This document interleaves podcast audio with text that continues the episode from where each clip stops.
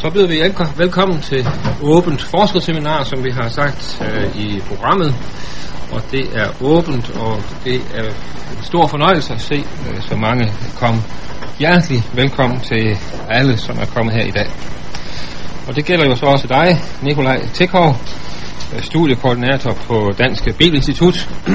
Det er sådan, at Nikolaj Tekov i øh, 1900 der her i 2004 i juni måned forsvarede sin Ph.D.-afhandling om øh, Galaterbrevet 2, uh, øh, 15 til 21.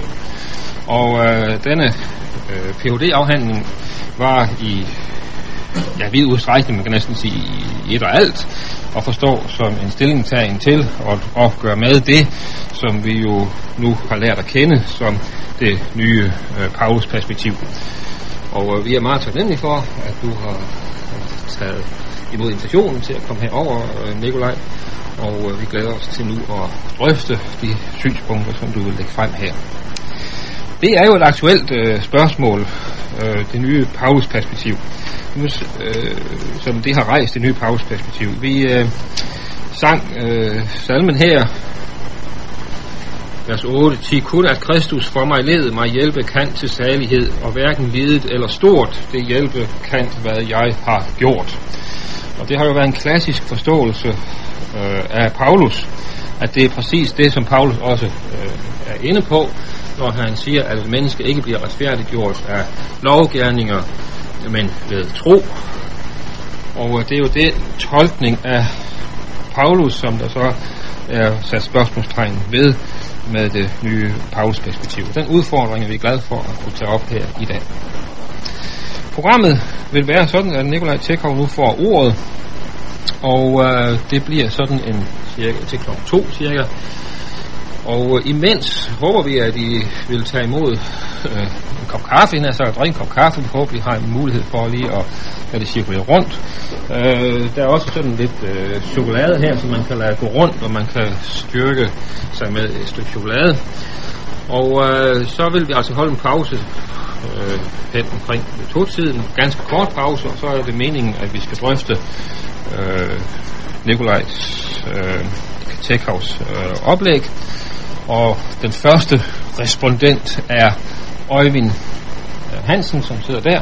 Vi skulle også have haft besøg af Sune Skarsholm, men Sune Skarsholm er desværre øh, blevet syg, så han kommer ikke. Men øh, Øjvind Hansen er den første, der får ordet, og så er det så meningen, at den anden del af øh, timen, altså fra, fra, til, fra kl. 2 til kl. 3, skal helliges en drøftelse af øh, det nye pausperspektiv og de spørgsmål, som er rejst af Nikolaj Tekov. Vi vil bede kort. Kære himmelske far, vi takker dig for, at du har givet os dit ord. Nu beder vi om, at du vil hjælpe os til at forstå det ord ret. For Jesu navns skyld. Ja, du har ordet. Tak skal du have, Peter. Godt lige begynde med at sige tusind tak for velkomsten hertil. Jeg har glædet mig rigtig meget til. og øh, tak til jer på MF for, for det her initiativ. Jeg tror, det er et meget vigtigt og godt initiativ, øh, som øh, er vigtigheden af det, tror jeg faktisk er svært at overdrive.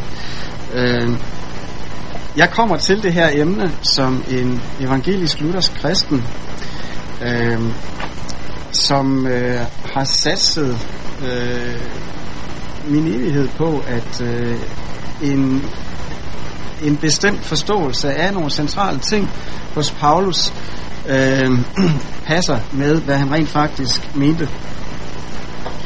Og øh, på mange måder, så er det sådan, at øh, det nye Paulus perspektiv, eller de perspektiver, som, øh, som det indeholder, samles i en fælles front, som går ud på, at, øh, at den forståelse af Paulus' retfærdiggørelseslære er forkert, og simpelthen ikke passer med teksterne, hvis de skal forstås historisk korrekt.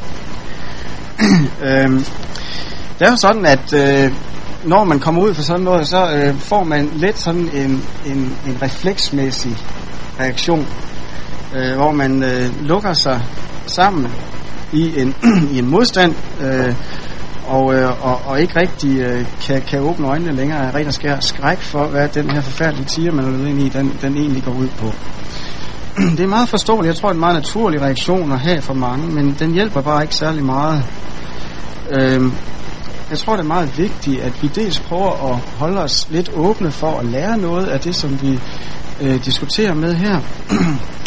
øhm, og i hvert fald skal man jo altid vide, hvad det er, man diskuterer med, før man begynder at diskutere med det.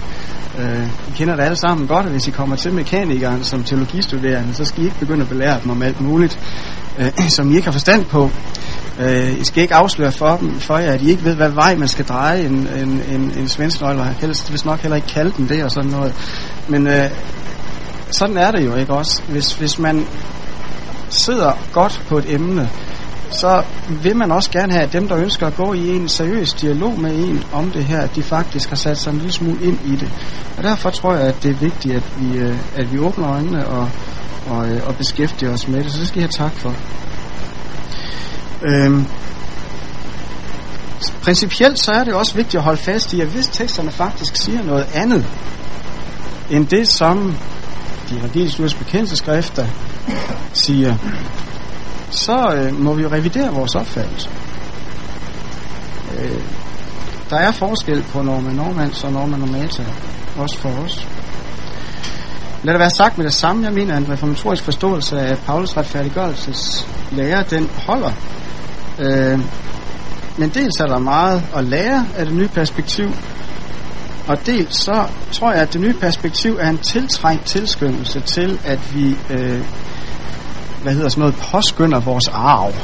Øh, lærer den lidt bedre at kende måske, end vi har tendens til at gøre egentlig.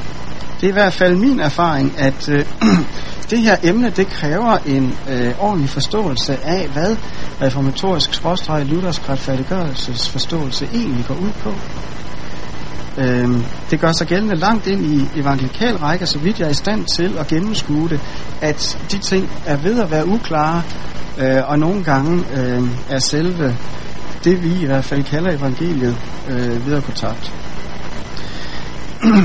øhm, samtidig så vil jeg også godt sige, at det er et meget stort og komplekst emne, det her. Der er altså et plan på hvilket at retfærdiggørelseslæren den ikke er nær så simpel og enkel, som den ofte præsenteres på. Det her det handler om at blive sand teolog i sidste ende. Som Luther taler om, at hvis, hvis, hvis du kan lære om retfærdiggørelsen, så er du sandt sand teolog. Øhm, for de nytestamentlige eksegeter så indebærer den her kompleksitet lige nu blandt andet, at der er et bjerg af en anden verden, en syndflod af sekundær litteratur, man skal forholde sig til. Det betyder for eksempel, at sådan en som mig allerede er sejlet langt bagud, siden jeg øh, forsvarede min afhandling og begyndte at give lidt ned på at prøve at følge med. Det kunne jeg ikke alligevel dengang, nu kan jeg slet ikke. og der er udgivet flere hundrede bøger siden, at jeg stoppet på det her, øh, om det her. Og det, det, det går simpelthen så stærkt, at det er meget svært at, øh, at holde, holde ved. Men den anden, øh, øh, det andet aspekt på, at, at, øh, at det ikke er så simpelt det her, det er, at det involverer så langt mere end nytesmændelig eksegese. Det involverer gammeltesmændelig eksegese, det involverer systematisk teologi og kirkehistorie. Der er brug for et teamwork for at forstå de her ting. Øh, det jeg kommer med i dag, det er et lille bidrag til noget, der forhåbentlig er en fortsat proces hos jer, hos mig selv, hvor vi prøver at finde ud af, hvad det egentlig er, teksterne går ud på som i sidste ende forhåbentlig kan berige os og forøge vores indsigt i, hvad Guds vilje egentlig er. Øhm, så jeg kommer altså med et nytestamentligt eksegetisk bidrag øhm, til en større debat og håber på at, at kunne give nogen indsigter fra teksterne. Der vil være tre led i det følgende. For det første, så Øh, Ja, altså, det er jo de tre led er så et minimumsudvalg af, af, af noget, der, der er meget svært at skære ned på på tre kriterier. Eller det, der, der efterhånden er lidt mindre her. Øh, men, men de tre ting vil altså være, for det første vil jeg prøve lige at redegøre kort for de helt centrale elementer i det nye perspektivs retfærdiggørelsesforståelse, eller retfærdiggørelsesforståelse. For det andet, så vil jeg prøve at pege på nogle af det nye perspektivs retfærdiggørelsesproblemer, som man vil kalde dem. Øh, nogle af de vanskeligheder, som gør sig gældende, når man øh, prøver at øh, få den eller de forståelser til at redegøre for de data, som Paulus tekster giver os, samtidstekster giver os. Og så vil jeg som det tredje prøve at komme med det, der for mig selv i hvert fald har været et, øh, en, en, en, en, et præciserende forslag til en forståelse af retfærdiggørelseslæren hos Paulus. Øhm, jeg tror egentlig ikke, at den er øh, præciserende i forhold til, hvad, øh, hvad ordentlig, traditionel øh, luthersk forståelse af de her ting er. Men det var ikke en forståelse af tingene, der hele tiden havde været præsentisk hos mig. Øh, og det er ting, jeg stadigvæk prøver på at sætte mig ordentligt ind i, og slet ikke synes, at jeg for alvor sidder ovenpå nu. Øh, og jeg har trods alt brugt 8-9 år på det efterhånden, og, og derfor der, der tror jeg også, at eller der tror jeg, det er vigtigt at, at give den her opfordring til. Det her, det er et lille bidrag til noget, der er en lang proces. Godt. Jeg kender ikke jeres baggrund, øh, hver især, for at komme her, så derfor der har jeg valgt simpelthen at tage det forholdsvis øh, forudsætningsløst, det jeg siger, øh, og, og altså øh, derfor også begynde, og, øh, begynde med at, at redegøre for, hvad det nye perspektiv egentlig går ud på i forhold til retfærdiggørelseslæren. Allerførst så er der nogle vigtige baggrundselementer for at forstå, hvad det er, der sker, når man så langt om længe kommer til Paulus retfærdiggørelseslære. Jeps. For det første, så er der den forståelse af øh, den jødedom, eller de jødedomme, eller hvad man nu efterhånden øh, kan blive mest enige om at sige, der øh, cirkulerede rundt på Paulus' tid. Øh, der står det nye perspektiv som øh, en kulmination på et, et længe ulmende opgør med nogle tidligere karikaturer af den øh, samtidige jødedom. Øh, og, øh, og det helt store stød, som slog igennem muren, kom, da, da Sanders, øh, E.P. Sanders der i 1977 øh, offentliggjorde sin Paul in Palestinian Judaism. Øh, de karikaturer, som han øh, eksplicit siger i sit opgør, han er ude på at ødelægge, øh, de går ud på det her. I jødedommen, der øh, fortjenes frelsen ved gerningsretfærdighed. Gerningsretfærdighed skal forstås her i betydningen af sådan et vægtskålsprincip, hvor at øh, ens evige skæbne afgøres af, om man øh, har gjort flere gode gerninger, end man har gjort overtrædelser af loven. Eller om man har øh, leveret så meget perfektion, at det, at det tilfredsstiller loven. Den her sociologi øh, medførte så to typer af jøder. Den ene type var dem, som vi i gårs øjne vi kalde de farisæiske jøder. Nogle meget stolte, selvsikre mennesker, som øh, så gevaldigt meget ned på alle andre. Og så på den anden side en, en masse mennesker, som var præget af en dyb uvidshed om, hvad deres evige skæbne ville blive. Præget af dårlig samvittighed og, øh, og usikkerhed. Som så kunne slå ud i alverdens ting og sager. Det her, det er, det er en fuldstændig forkert forståelse af jødedommen skrev Sanders. Og så øh, opstillede han ellers sit alternativ. Han opstillede det, han kaldte øh, jødedommens pattern of religion. Og det er så øh, det udtryk, som, som I måske har hørt, at, at, som, som man kalder covenantalism, altså paxnovisme. Det, som jødedommen går ud på efter øh, Sanders mening, det er, at frelsen er en, man får ved Guds nåde i pax udvælgelse. En hver israelit er født eller skråstreg omskåret ind i pakten. Den pagt er en frelsespagt. Og det er en pagt, man altså kommer ind i af noget, ikke ved at overholde loven.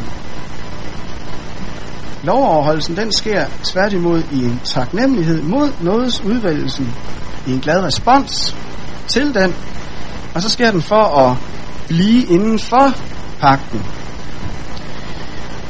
Kan jeg godt vende mig om, så lidt væk fra den her mikrofon. Det er måske lidt lettere, altså øh, hvis jeg lige... Vi skal forestille os sådan en, en pagt her. Og der kommer man altså ind ved noget, og så bliver man indenfor ved lovoverholdelse.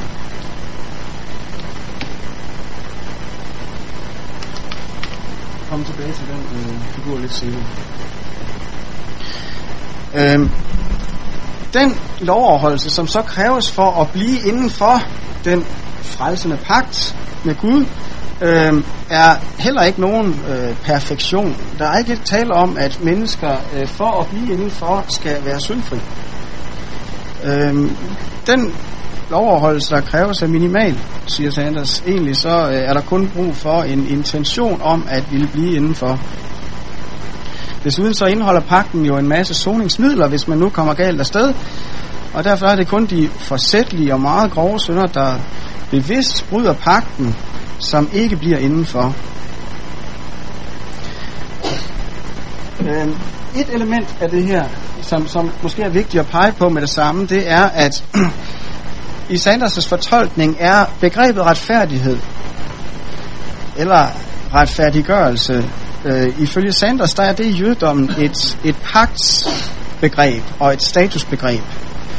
Det, øh, det at være retfærdig betegner, at man er i pagten.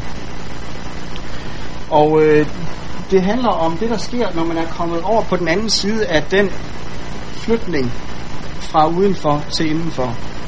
Altså, øh, han skældner mellem noget, der sker herude, som han kalder transfer,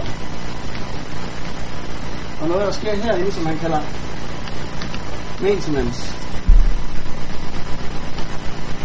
Altså flytning og vedligeholdelse. Retfærdighed er ikke noget, der sker for at blive flyttet, men det er noget, der sker for at blive, hvor man er kommet hen. Det er den ene, øh, det ene baggrundselement. Et andet baggrundselement, som er vigtigt, som jeg vil pege på, det er den måde, som Sanders opstiller sin forståelse af Paulus' tankestrukturs øh, bevægelser og deres indbyrdes konfiguration.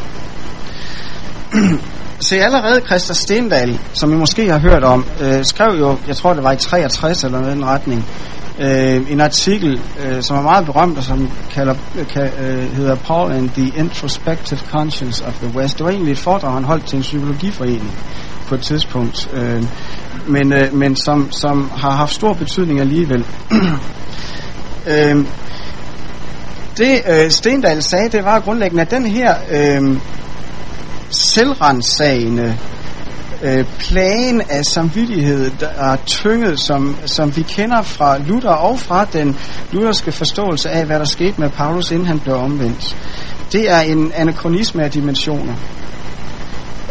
Den form for individualitet, som overhovedet kræves for at lave sådan en tænkning, var ikke eksisterende på det her tidspunkt, efter Stendals mening. Den, det sjæleliv eksisterede ikke.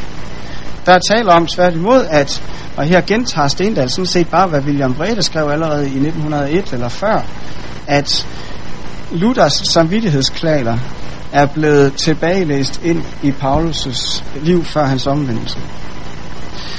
Øhm,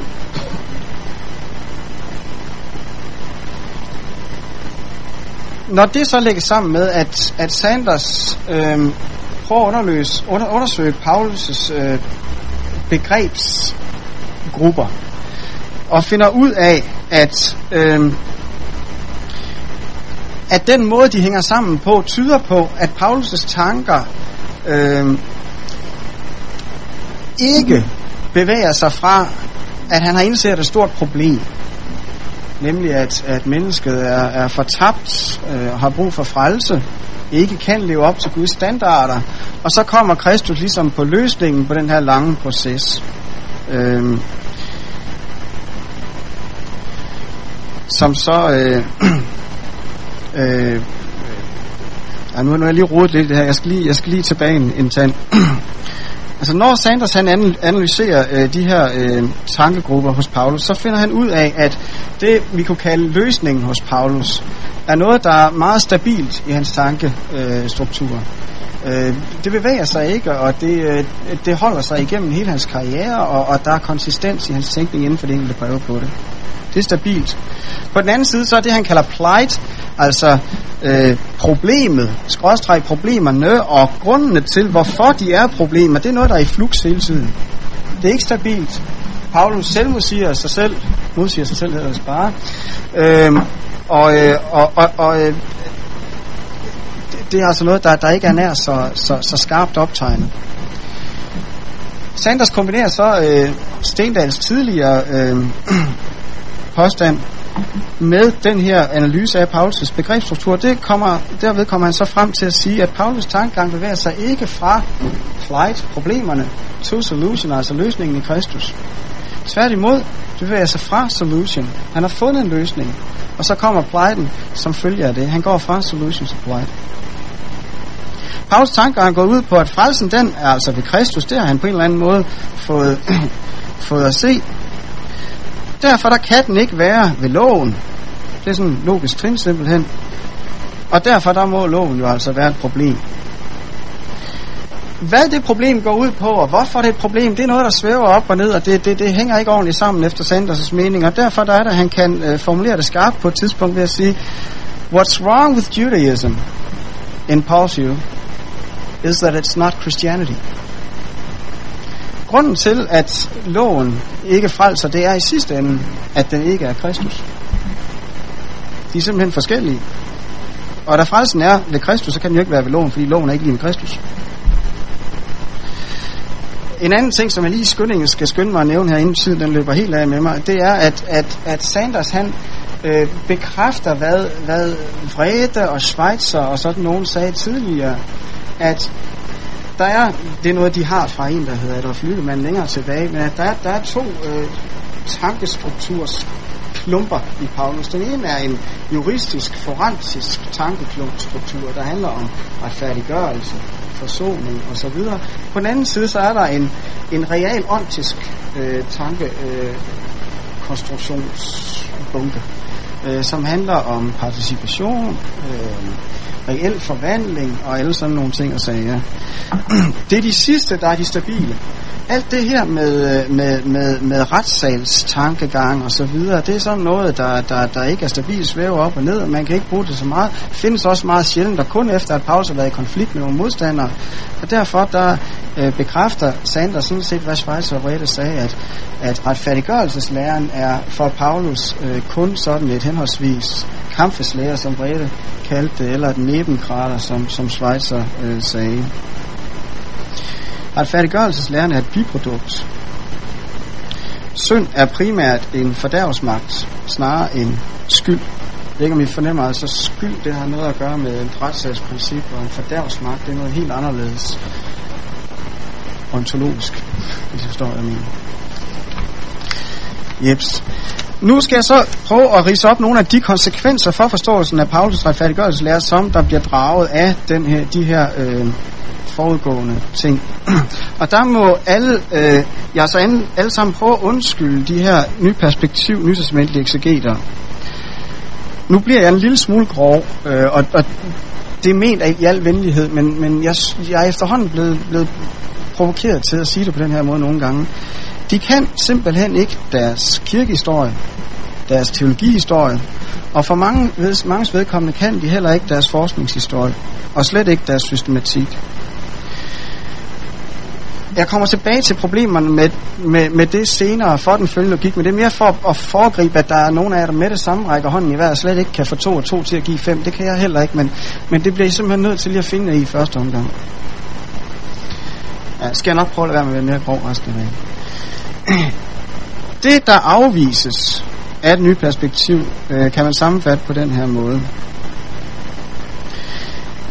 Hvis jødedommen kan beskrives med begrebet covenantal nomisme, altså den her paksnomisme, så er den traditionelle reformatoriske forståelse af den skydeskive, som Paulus går efter med retfærdiggørelseslærer. Altså det, han argumenterer imod, det han benægter, at frelsen er ved loven, ved så osv. Det er forsvundet som du person. Fordi jødedommen er ikke en gerningsretfærdighedsreligion. Øh, det er en religion, der består af noget, man bliver frelst ved noget. Øh, gode gerninger er bare noget, man gør i taknemmelighed over at være blevet frelst og være kommet inden for pakten. Så øh, den her gerningsretfærdighed, som, som ligger i den reformatoriske forståelse, øh, er, er væk. Og derfor der bliver vi nødt til at revidere vores forståelse af, hvad det overhovedet var, Paulus han øh, sagde, da han talte om retfærdiggørelse. Det, at vi bliver retfærdiggjort, eller mennesker bliver det ved tro uden lov eller lovgærninger, betyder altså ikke, at vi retfærdiggøres ved tro, uafhængig af vores moralske niveau.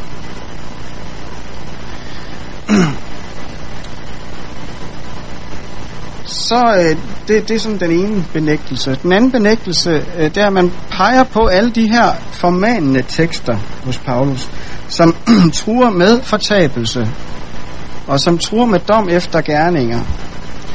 øh, til at sige, at den traditionelle forståelse af forholdet mellem tro og gerninger hos Paulus ikke holder.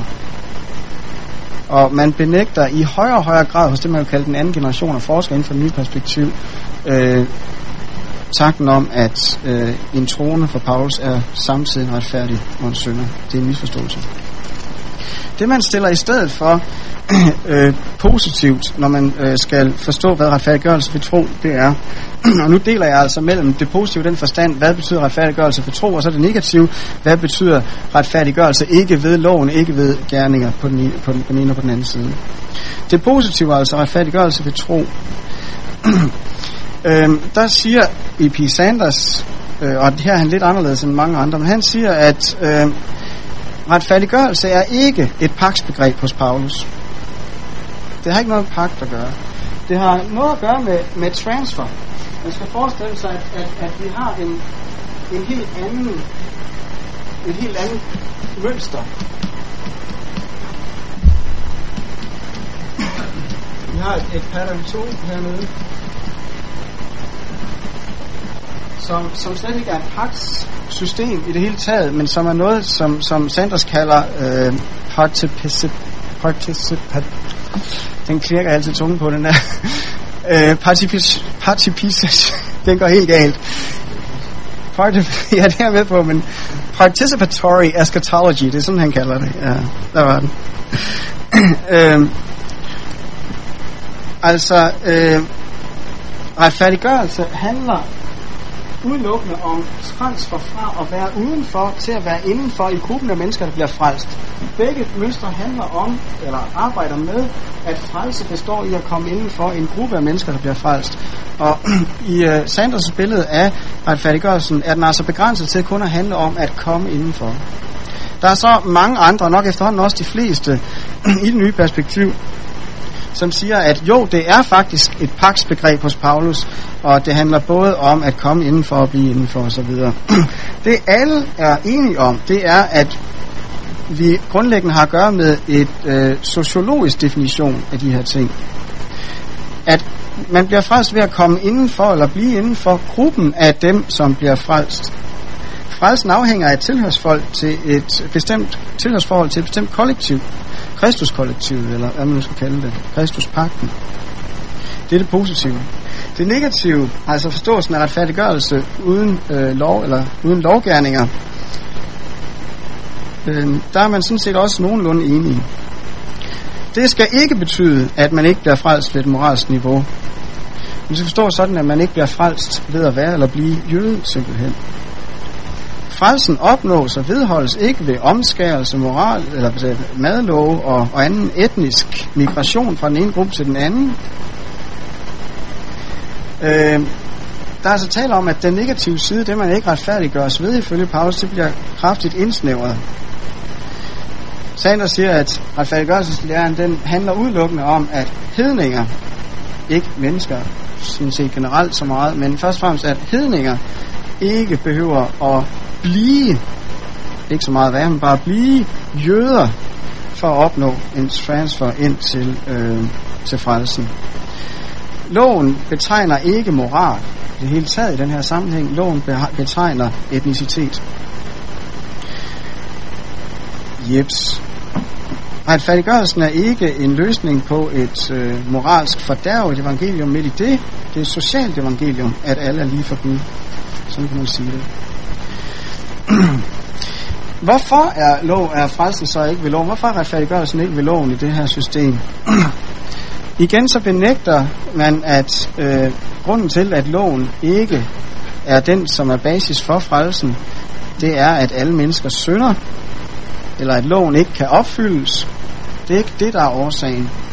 Årsagen er, at frelsen findes ved Kristus for alle, og fordi loven den ikke er Kristus og holder hedningerne ude, så er frelsen ikke ved loven. Det er det, der er årsagen.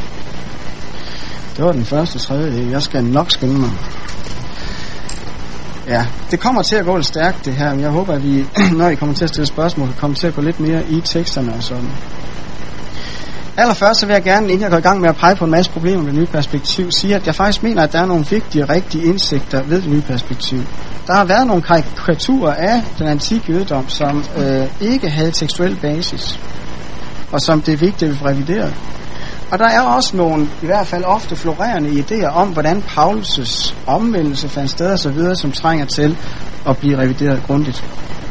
Men der er også meget store problemer, og efter min opfattelse centralt fejl decideret i det nye perspektiv. Og her der øh, har jeg så taget et øh, lille, men centralt udvalg med. Allerførst nogle problemer i den forståelse af jødedommen, som gør sig gældende. Der er nogle rent metodiske problemer. Her kan man egentlig godt tage fat i Sanders' første bog, fordi den på mange måder er forudsætning for meget af det, der bliver skrevet også nu. Det Sanders gør, det er, at han bruger 200 sider på at gennemgå den øh, tanaitiske litteratur, altså den rabbisk litteratur, indtil og med Mishnah. Øh, samlet 200 efter Kristus. Og på baggrund af den øh, litteratur opstiller han så det her system Covenantal Nomism. Og så siger han, okay, øh, jeg har startet med den her litteratur, fordi det er den mest systematiske og den mest, sådan, hvad som kalder det, teologiske af den, og, og nu vil jeg så prøve at gå tilbage til pseudepigrafer, apokryfer, og det der i hele taget er langt mere samtidigt med Paulus, i hvert fald som korpus betragtet ofte, eller som, som hele, hele tekster betragtet, øhm, og se om ikke jeg kan finde det samme mønster der.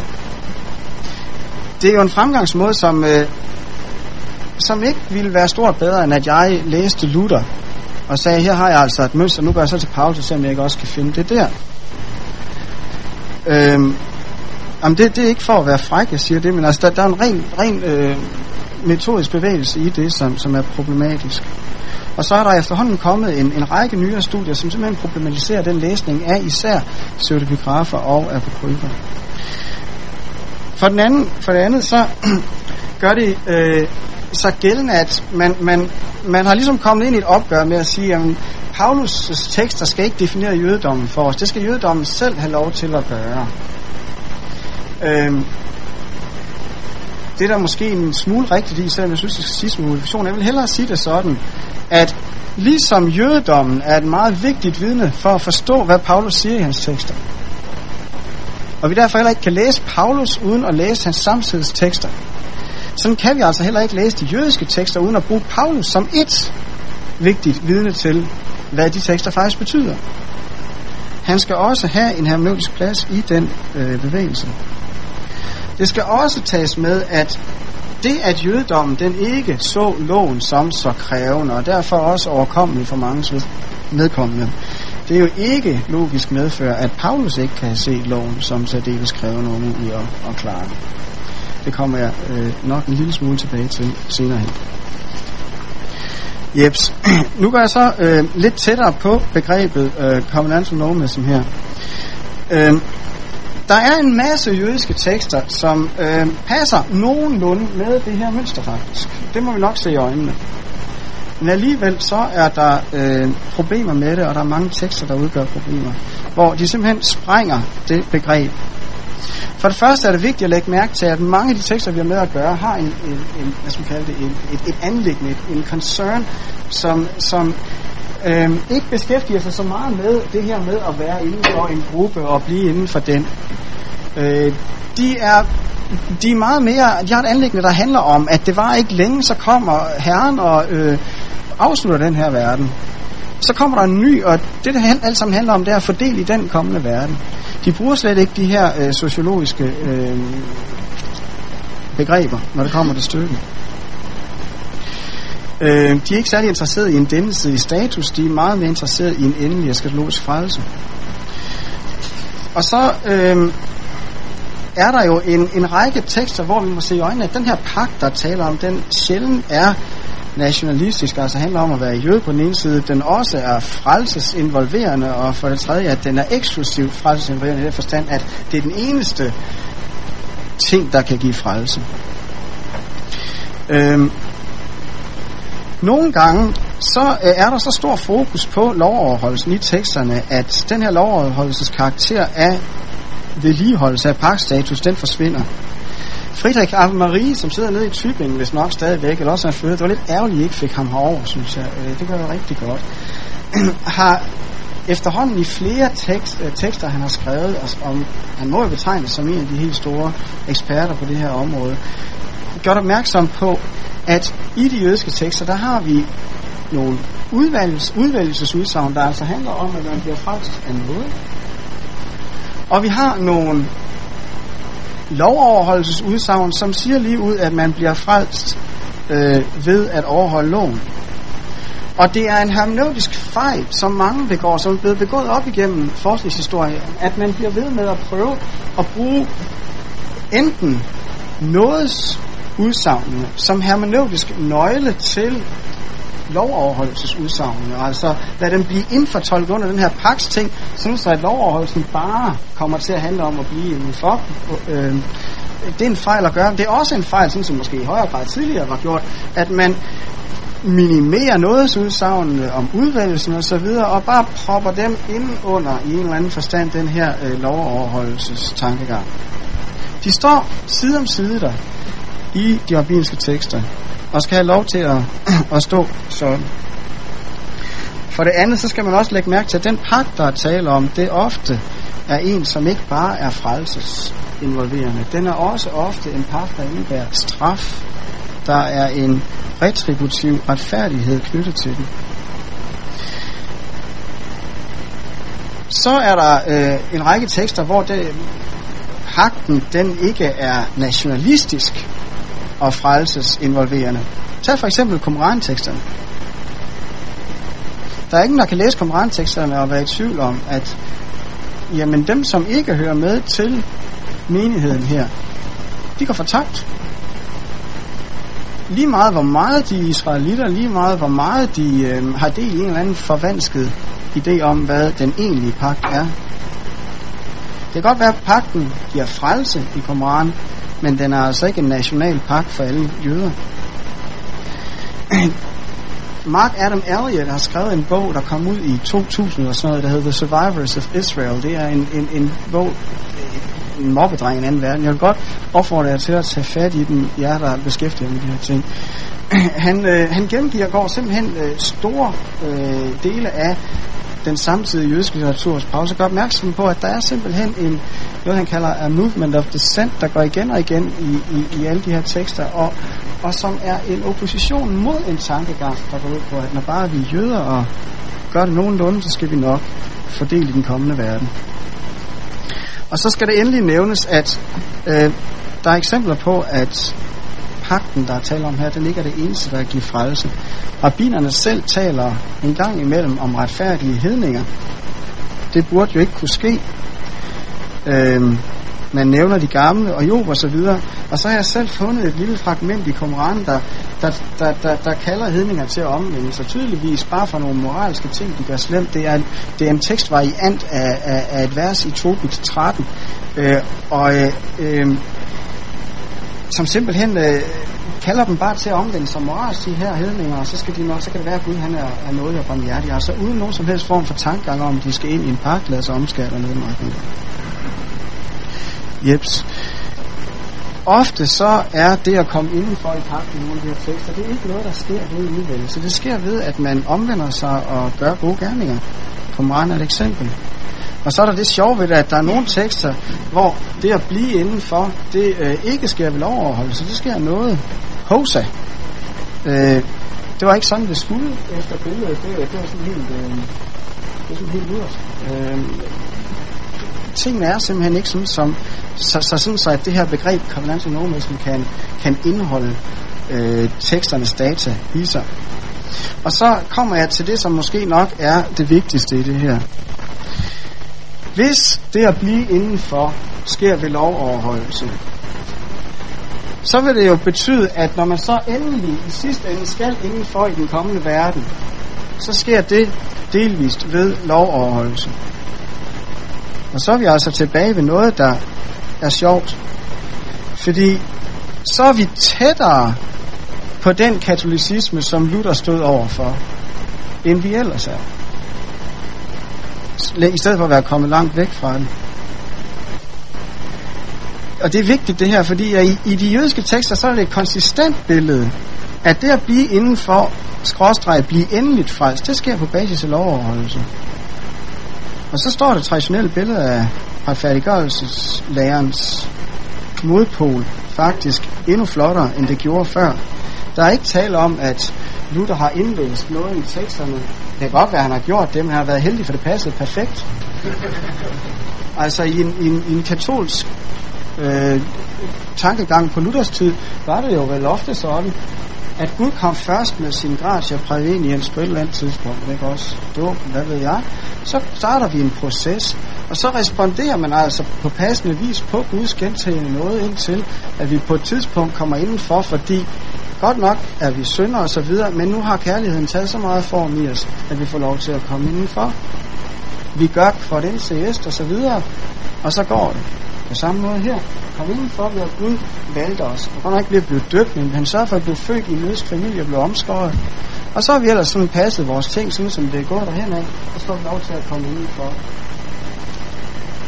Jeg synes, det passer umiddelbart rimelig godt. Jeps. Nu springer jeg simpelthen nogle ting over, fordi nu skal vi til at have fart på. Øhm, kan jeg få lov til at gå til sige noget? Altså, ja, øhm, begrebet gerningsretfærdighed trænger gevaldigt til at blive defineret her. Set fra en reformatorisk synsvinkel, så er man ikke kommet uden om gerningsretfærdighed ved at sige, at getting in, det er ved noget, eller at nåden kom først. Og jeg kunne simpelthen give jer lastbil fuld af citationer fra den ene efter den anden ligesom nyhedsmældige forsker, der siger, at den der gerningsretfærdighed, som Luther var op imod, den findes jo ikke, for Guds nåde kom først. Det siges igen og igen og igen, og det er simpelthen som om, man ikke har forstået, hvad det gik ud på overhovedet i revolutionen. Det, det er det, der igen og igen er argumentet. Det, der er et vigtigt spørgsmål at stille set fra en reformatorisk synsvinkel, det er, på dommens dag, når nogen skal ind på den nye jord, er der så en del af dem, der skal inden for retfærdighed, som er baseret på deres overholdelse af loven, eller ej? Er der bare en lille bitte del? Hvis der bare er det, så har vi at gøre med gerningsretfærdighed efter reformatorisk synsvinkel. Godt. Så springer jeg en bunke over igen her, og øhm, jeps. Jeg har sådan efterhånden arbejdet en del med mange af de tekster, der handler om lovgærningerne og, øhm, og, øh, og loven, altså om vi har at gøre med, om Paulus taler om noget etnisk her, eller noget moralsk. og jeg må sige, at at den er forholdsvis klar i tekst efter tekst efter tekst, at der er selvfølgelig etnicitet med i den her lov. Den fylder selvfølgelig en del, og vi trænger til at få korrigeret vores idé om, hvad den går ud på, helt klart.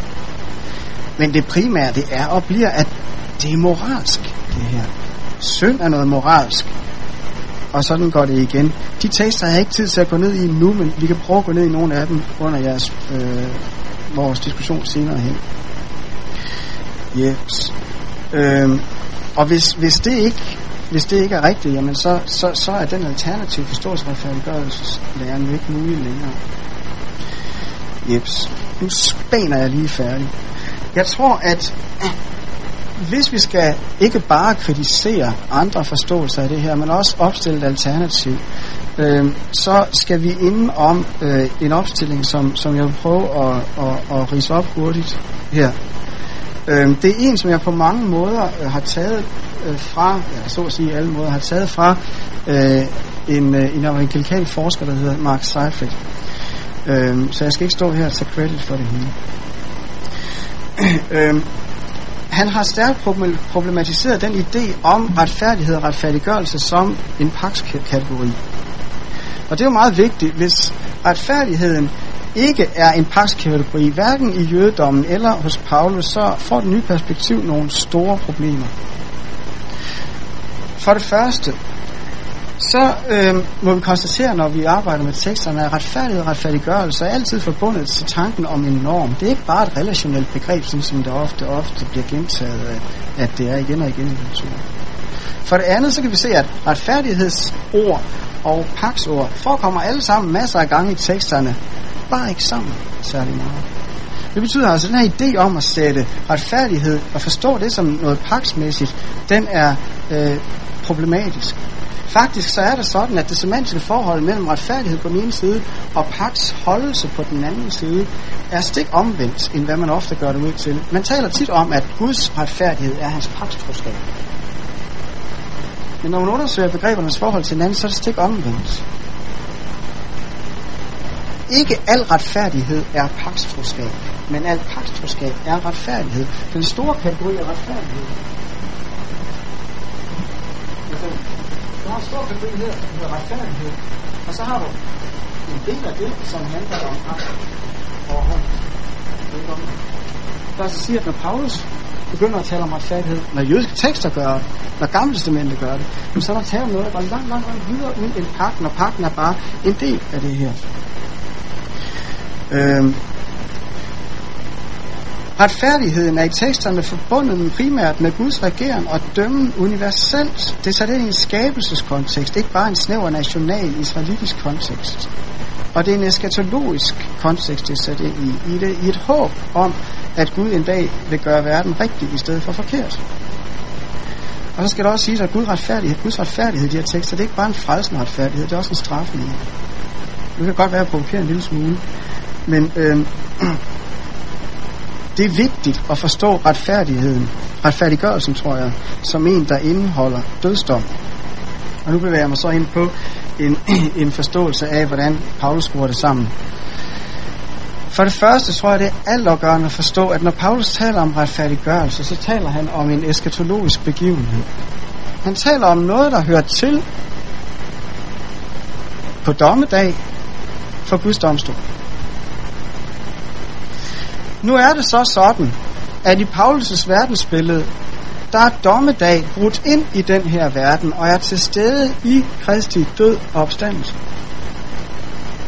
Og fordi eskaton, fordi dommedag er til stede i Kristi død og opstandelse, så er skriftens opfyldelse også til stede i Kristus begivenhed. Jeg har ikke tid til at tage en fortælle. Øhm. Og Kristus begivenheden, Kristi død, liv, død og opstandelse er det sted, hvor retfærdiggørelsen sker. Retfærdiggørelsen inkluderer både Guds egen retfærdiggørelse og inkluderer hans dom. Jeg har så at gøre med en, en domskontekst, men det er en domskontekst, som ikke bare er fuldt positiv. Jeg prøver at uddybe det her.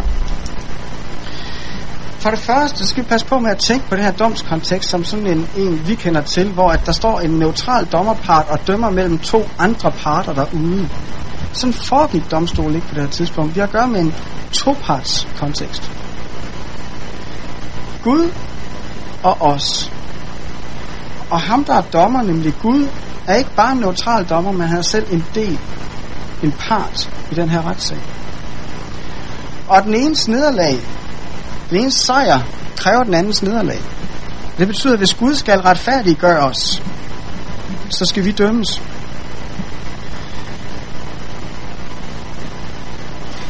Og øh, nu, nu går det stærkt, det må jeg også undskylde, men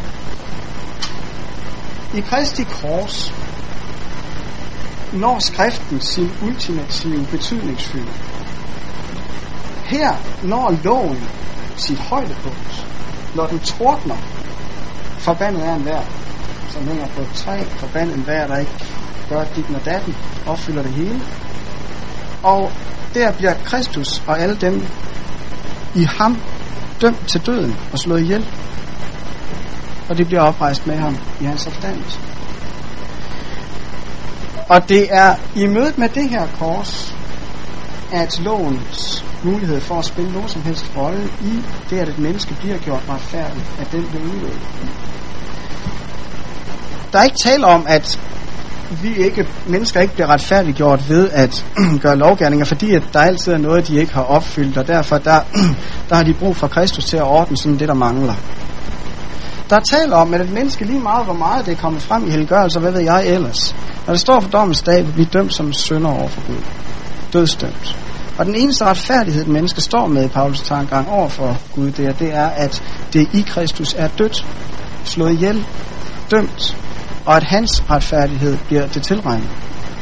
Derfor der er lovens del i retfærdigheden fuldstændig udelukket. Og det hele bliver ødelagt, hvis der bare kommer en dråbe af den derind. Er det derfor, Paulus udelukker det? Og når det er gået op for ham, at den skal udelukkes, så er det ikke fordi, han har været igennem en masse samvittighedskvaler i livet. Men så er det fordi, han har løbet ind i en mur med dynamit i, som hed Kristi Kors. Der der blev det åbenbart for ham, hvor radikal loven var. Hvor, hvor hård den var. Og ud fra det møde er det, at al hans, øh, hans øh, afvisning af den rolle og som det springer. Og derfor, for lige at slutte til sidst, derfor kommer simultanken til at stå enormt centralt i Paulus retfærdiggørelseslære. Den er simpelthen en, en integreret del af det. Der er kun én måde at blive retfærdiggjort, retfærdiggjort for, Gud, øh, for Gud på, og det er ved at blive dømt som sønder i Kristus og, opstå, og oprejst med ham. Den eneste retfærdiggjorte er en retfærdiggjort sønder. Det er en dødsdømt retfærdiggjort sønder. Jeps. Undskyld, det gik for stærkt, alt det der løg. Øh, hvis det var alt for forvirrende, så må I komme med spørgsmål. Skal jeg prøve på at være mere øh, forklarende?